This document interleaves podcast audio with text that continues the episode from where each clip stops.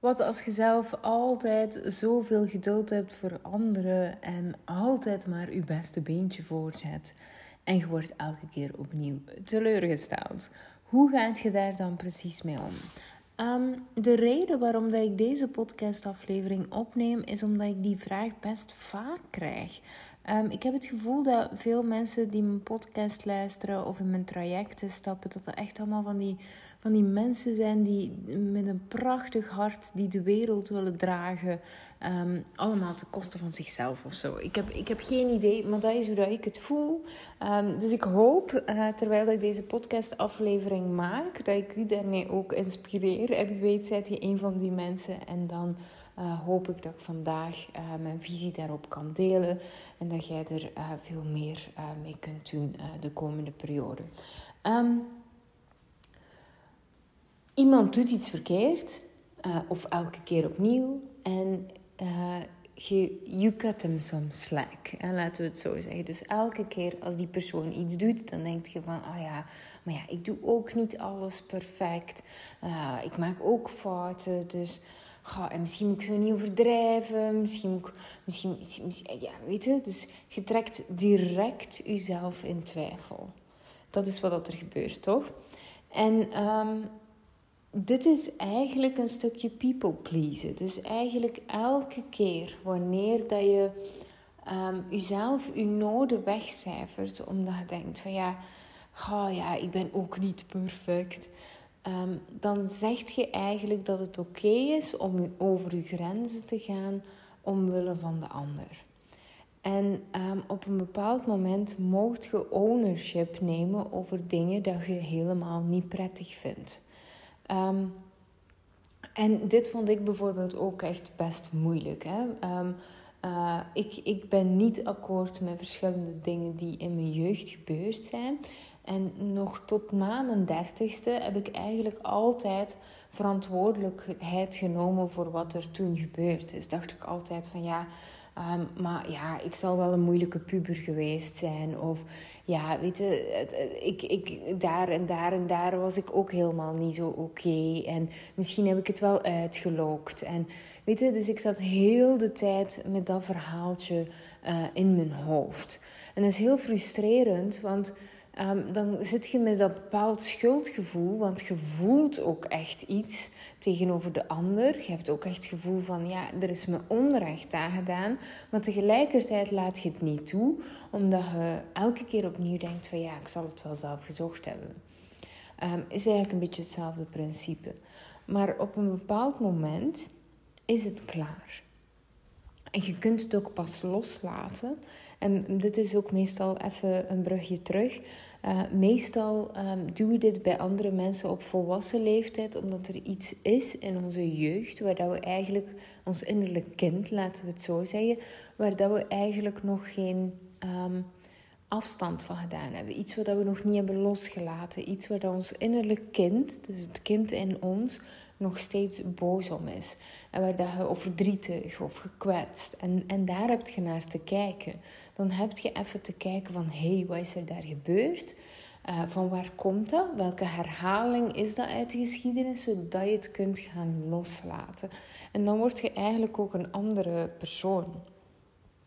En dan neemt je um, uh, verantwoordelijkheid in je leven. Uh, waar dat je nu eigenlijk heel je leven een slachtoffer blijft. Want het patroon gaat zich steeds opnieuw herhalen. Omdat dat is wat dat je geleerd hebt uh, om te overleven. En, en ik zeg het zo om te overleven. Uh, maar het is een overlevingssysteem. Dus wat gebeurt er eigenlijk als kind? Als je als kind eigenlijk um, uh, in een bepaalde situatie zit. En dat kan perfect zijn met, met super liefhebbende ouders. En waar alles fantastisch gaat. Dat bedoel ik niet. Maar het is iets als kind dat het triggerd is op een bepaald moment om een bepaalde reden. Dus, dus, en, en daar, um, uh, omdat als een kind um, wordt afgewezen, laten we het zo zeggen, puur natuurkundig, als een kind wordt afgewezen door de ouders, dan heeft het in de natuur de kans om te sterven. Dus wat gebeurt er? Het kind gaat zich eigenlijk zodanig gaan adapteren, zodat het eigenlijk naar de wensen en normen van de ouders gaat uh, bewegen. Want dat is een overlevingssysteem. en dat zit er gewoon in. We hebben dat allemaal. Dus we gaan ons eigenlijk gaan aanpassen naar de wensen van onze ouders. Daardoor verliezen we een stukje van onszelf. Dus het is echt een overlevingsmechanisme. Maar kijk, als je daar nooit bewust van wordt, en, en we hebben dit allemaal, dus we hebben allemaal een bepaald trauma. En mensen krijgen altijd zo een, een hele. Maar iedereen heeft een trauma. Iedereen heeft jeugdtrauma. Kunt je niet onderuit. Mijn kinderen zijn al getraumatiseerd. Eh, ik kan, er niets aan doen. Ik doe echt wel mijn best. Maar er zijn nu eenmaal patronen die geactiveerd worden doorheen de jeugd. Dus bij iedereen. En ja, zo, dan op een bepaald moment, ehm, ehm, als je daar nooit bewust van wordt, dan gaat dat heel je leven mee. En dan wordt heel je leven getriggerd door dezelfde dingen. En overkomen u elke keer opnieuw dezelfde patronen. Um, komt je elke keer dezelfde mannen tegen? Komt je elke keer dezelfde mensen tegen? Dezelfde mensen die je bedriegen op dezelfde manier en zo verder. En jij denkt: Oh, waarom overkomt mij dat nu steeds? Maar dat overkomt je niet steeds. Dat is omdat jij die bril op hebt en op die manier door de wereld stapt en dus die mensen aantrekt. En dat is kut. Dus je wilt daar eigenlijk gewoon doorbreken. En op dat moment wilt je bewust worden van je patronen en gaan kijken van hé, hey, waar, waar komt dat eigenlijk? Want u, u, um, het ding is, telkens wanneer dat jij emoties krijgt, dan wordt daar eigenlijk een, een herinnering aan um, getriggerd. Dus telkens als jij een bepaalde emotie voelt, dan komt die herinnering terug.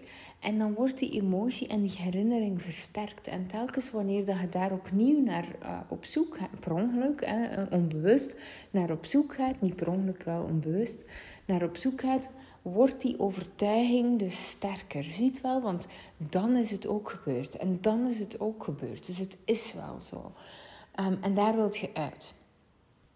Dus, um, ik, ik heb vandaag een heel concreet, het gaat best een korte podcastaflevering worden, heb ik het gevoel. Maar vandaag heb ik eigenlijk een heel concrete oefening waarmee je aan de slag kunt gaan als je uh, dit herkent voor jezelf. Dus elke keer wanneer dat je voelt van, oh, dit overkomt me nu en ik weet het niet goed, hè, want, want um, ja, en je wilt jezelf kleiner maken, ga even erkennen in eerste instantie van, oh, het is echt niet oké. Maar ga ook daarnaast gaan voelen, kijk, laat ik over mijn grens gaan. Um, zo bedoel ik het niet. Um, want even terug, terugspoelen. Um, uh, zo bedoel ik het niet, want als je over je grens laat gaan, is het al te laat. Maar de acties die ik neem, is het uit liefde. Bijvoorbeeld als je zoiets hebt van, oh, iemand heeft een fout gemaakt of iemand heeft me gekwetst. Kan altijd. Ik denk echt dat ik in elke podcast die ik maak mensen kwets, eerlijk gezegd. Um, um, maar ik kan er niet aan doen. Ik, ik, kan daar ook geen rekening mee houden. Ik kan er geen rekening mee houden dat iemand gekwetst wordt en zo verder, want ik heb iets te doen. En als ik niet gewoon voluit kan spreken, dan, dan heb ik gewoon een probleem. Dus ik kwets sowieso elke podcastaflevering wel iemand anders. Uh, maar ja, weet je, ik kan ook geen mensen helpen en inspireren als ik daar heel de tijd mee bezig ben. Um, dus het kan zijn op een bepaald moment dat ik je kwets of iemand anders je kwets, I don't know. Um, en dan kun je even gaan kijken bij jezelf. Laat ik, uh, gebeurt dit nu? En, en, en voor mezelf, is het uit liefde? Of is het uit angst dat ik bij die persoon blijf? Hè? Ik kan me voorstellen, als je naar mij blijft luisteren, dat is uit liefde, omdat je weet van, hey, uh, er zijn ook heel veel andere dingen en waarschijnlijk hoor ik het door mijn uh, uh, speciale hoorapparaat met mijn overtuigingen en word ik getriggerd omdat ik daar ook weer iets los mag laten. En trigger is goed, waar dat weerstand zit, zit het goud. Dus daar wil je even op letten. Um, langs de andere kant, als iemand u blijft, u, u kwetst en, en je gaat elke keer in dat rolletje van, oh ja, misschien was dat zo niet bedoeld. En en je blijft daarbij en je hebt niet het gevoel dat je daar krachtiger door wordt. Dat is altijd de vraag, word je er krachtiger door of niet? Um, en als je er niet krachtiger door wordt en je blijft erbij, is het dan uit angst of uit liefde? En het kan ook uit verlangen zijn. Hè? Dus als het uit liefde is, prima. Helemaal prima. Dan is het oké. Dan zit je eigenlijk wel goed. Hè? Ehm, dan, dan, dan, dan komt het wel goed. Um, als het is uh, dat je nog steeds een verlangen hebt, waar je hoopt dat die persoon gaat vervullen, dat je nog steeds zit met angst om die persoon te verliezen, dat soort dingen. Als het op die manier is dat je uh, met die persoon omgaat, dan gaat er iets fout. En dan heb je daar even naar te kijken van wat gebeurt er hier en wil ik dit nog wel? En is het niet tijd om een bepaald stuk te claimen uh, en, en daarmee aan de slag te gaan. En dat kan van alles zijn. Dat kan zijn een gesprek aangaan, duidelijk maken dat je dat niet meer wilt. Kan ook gewoon zijn uh, dat je die persoon niet meer wilt zien. Kan ook zijn, dus kan van alles zijn. Maar het andere stuk, het stuk uit liefde, het stuk waar dat je krachtig voelt, die is wel cool. Want als je dan bij die persoon blijft, dan is het omdat die persoon je spiegelt op een hele toffe, coole manier. En dan kan het zijn dat je daar juist veel krachtiger uitkomt en veel sterker uitkomt. En dan wilt je eigenlijk even gaan kijken van... hé, hey, wat gebeurt er met mij uh, elke keer? Hè? Um, dus, dus, en ik doe dit met alles, even voor de duidelijkheid. Dus alles in mijn leven is... is het met mijn zielseer? Is het uit liefde? Of is het uit weet ik veel wat, dat ik uh, een punt wil maken, dat ik gelijk wil hebben, dat ik een bepaald verlangen dus gelijk wil hebben. Of uh, is het om angst om afgewezen te worden? En die laatste, daar weet ik eigenlijk altijd mee van, hmm, dan, dan, dan zit het niet helemaal juist. Hè? Um, dus die wil ik wel heel graag meegeven vandaag. Misschien in het verlengde nog, want nu heb ik het heel de tijd gehad over het innerlijke kind. En wat doe je met mensen die elke keer um, ja, toch wel in je omgeving blijven, maar je kwetsen of, of weet ik veel wat allemaal. Hoe dat je daar dus mee kunt omgaan. En langs de andere kant heb je ook het stukje um, wat ook wel cool is, als we nog een stukje verder mogen werken vandaag op angst, heb je ook weer dat stukje um, over je comfortzone. Um, en je comfortzone verlaten gaat altijd gepaard met angst. En daar is het hetzelfde, maar omgekeerd. Is altijd. Um, ja, hetzelfde, maar omgekeerd is niet helemaal waar. Nu pak nu dat je iets heel graag wilt doen. Weet ik veel wat. Je wilt iets anders doen in je business en je vindt het uh, fucking scary om het te doen. Dus je bent dus aan het twijfelen van doe ik het wel, want ik vind het zo angstig. Uh, of doe ik het niet en blijf ik op dit moment gewoon hier. En je kunt het eigenlijk weer op dezelfde manier gaan, gaan bekijken. Um, blijf ik hier uit liefde of blijf ik hier uit angst? Dus het is eigenlijk wel hetzelfde. Dus als je uh, op dat moment voelt van oh nee, ik blijf eigenlijk ter plekke uit angst dan heb je dus uit liefde naar dat stuk te gaan kijken waar je zo angstig voor bent. En ook weer daar, dus het is echt een hele mooie vraag om je elke keer te stellen. Doe ik het uit liefde of doe ik het uit angst? Doe ik het uit liefde of doe ik het uit angst? Um, uh, want zelf ook daar, als je dan door je, door je comfortzone uh, gaat, hè, want, want het is heel interessant om een paar bold moves te doen uit je comfortzone, maar op dat moment um, uh, blijft je doorduwen, um, dan doet je het misschien weer uit angst. Want je bent misschien bang dat het niet snel genoeg gaat. Dus zij jezelf aan het forceren. En dan is het weer, doe je het uit liefde of doe je het uit angst? Want op een bepaald moment, um, uit je comfortzone komen is cool. Maar als je jezelf te veel pusht op uh, heel korte termijn, dan gaat je dus te veel in die stress.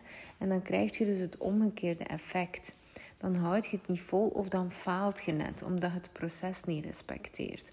Dus eigenlijk als je iets nieuws wilt doen, en ik zit ook nu in die periode, dus um, ik ben echt bezig met um, een derde programma aan het ontwikkelen en ik vind het fucking scary.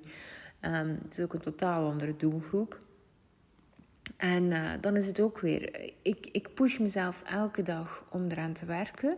Ik kom elke dag een beetje uit mijn comfortzone. Ik heb gesprekken met mensen uh, uh, waarmee dat ik het echt scary vind om gesprekken mee te hebben, zodat ik dat programma kan maken. Um, maar ik kom elke keer wel terug in mijn comfortzone omdat daar ga ik te snel willen gaan, ga ik pushen. Wat gebeurt er dan? Dan word ik net afgewezen, want dan ben ik er niet klaar voor tegen het moment dat ik iets wil komen brengen. Dus ook weer daar. Is het uit angst of is het uit liefde? Nee, nu heb ik liefde nodig. Nu ga ik heel even terug. En dan morgen ga ik terug uit liefde weer uit mijn comfortzone. En, en eigenlijk is het zo, zo simpel. En we weten het wel, maar we laten ons zo vaak leiden door die angst elke keer opnieuw. We zijn zo bang uh, uh, voor van alles en nog wat. En, en dat is helemaal niet nodig natuurlijk. Dus um, ik, kan hier echt uren over praten, maar vandaag wil ik het echt bij één boodschap houden. Is het uit liefde of is het uit angst? En daarmee kunt je aan de slag. Um, maar goed, Oké, ik hoop dat je er uh, ontzettend van genoten hebt van deze podcast-aflevering. Um, als je ze uh, tof vindt om naar te luisteren, dan kunt je me altijd een review geven. Kunt je op Spotify, kunt je op eigenlijk alle podcast-players gewoon even vijf sterren aanvinken of iets uh, bij vermelden. En je hoeft zelf niet eens iets te schrijven als je dat niet wilt. En dat doet mij een heel groot plezier, laten we eerlijk zijn. Dus ja daar kunt je me echt uh, ontzettend mee plezieren. Nu goed, uh, morgen weer een nieuwe podcast-aflevering, want ik doe ze elke dag, zelf op zaterdag en op zondag. Uh, en dan zie ik u dan weer.